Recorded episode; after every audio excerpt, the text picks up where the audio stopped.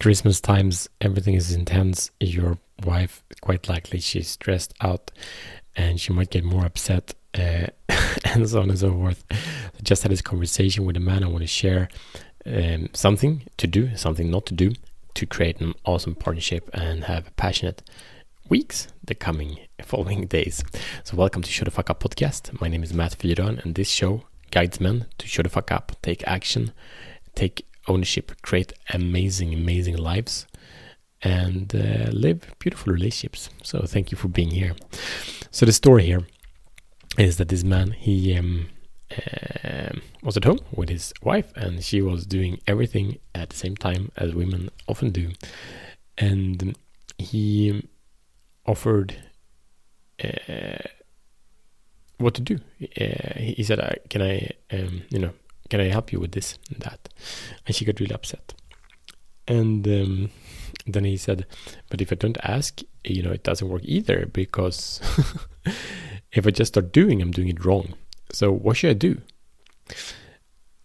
And these are these are very very common things. It's a very common situation. So like, and she says like, why don't you ever get it right? And you know, gets a very negative loop. So there is a very powerful key here. And that is when she stressed, do not fix her world. Because what we're usually doing, we come in there and say, Can I do this? Uh, and or start doing something is usually as a response, as a stress response, trying to relieve her from the pain. But actually, what we're doing is relieve ourselves from the pain of us not being able to see her suffering like that. But actually, you don't even know that. You don't even know what she's going through. You might be right, you, she might really be suffering, but what she needs is rarely your action. So there are a couple of ways that we can handle this in a way, way more powerful way. So the first thing is that she has a need of feeling seen, heard, and appreciated.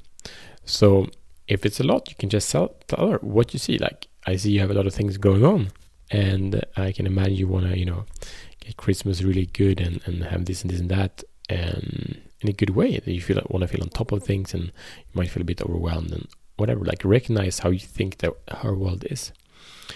And by that what usually happens is she feel like her point of view is okay. She's acceptable. She's not crazy. She's not weird.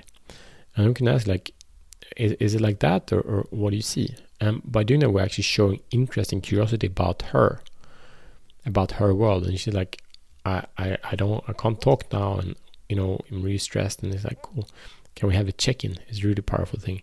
Just take two minutes and check in, and we can see maybe we can help each other, or maybe there's another way. And during this check-in, just say what's going on, what's the plan here, and then then ask, you know, if there's something you can do. But you do it from a, a held space. You take leadership, and you're not in this uh, addictive pleasing mode.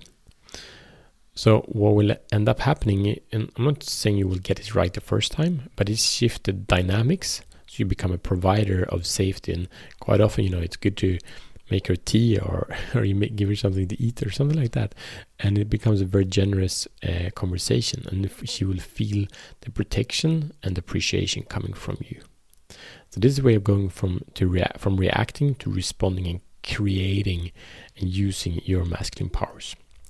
And this is not you know directly a passion strategy but definitely will increase the connection in between of you so that when you come to a moment of intimacy you don't need to catch up right? So actually there is connection and you can build on that.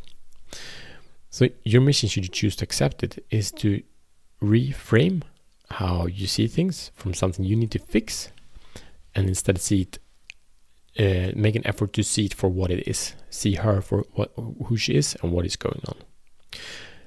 Uh, your mission is also to share this episode with a man that's in a relationship with a woman that might be uh, stressed out now and send this to him so everyone can have a more beautiful Christmas.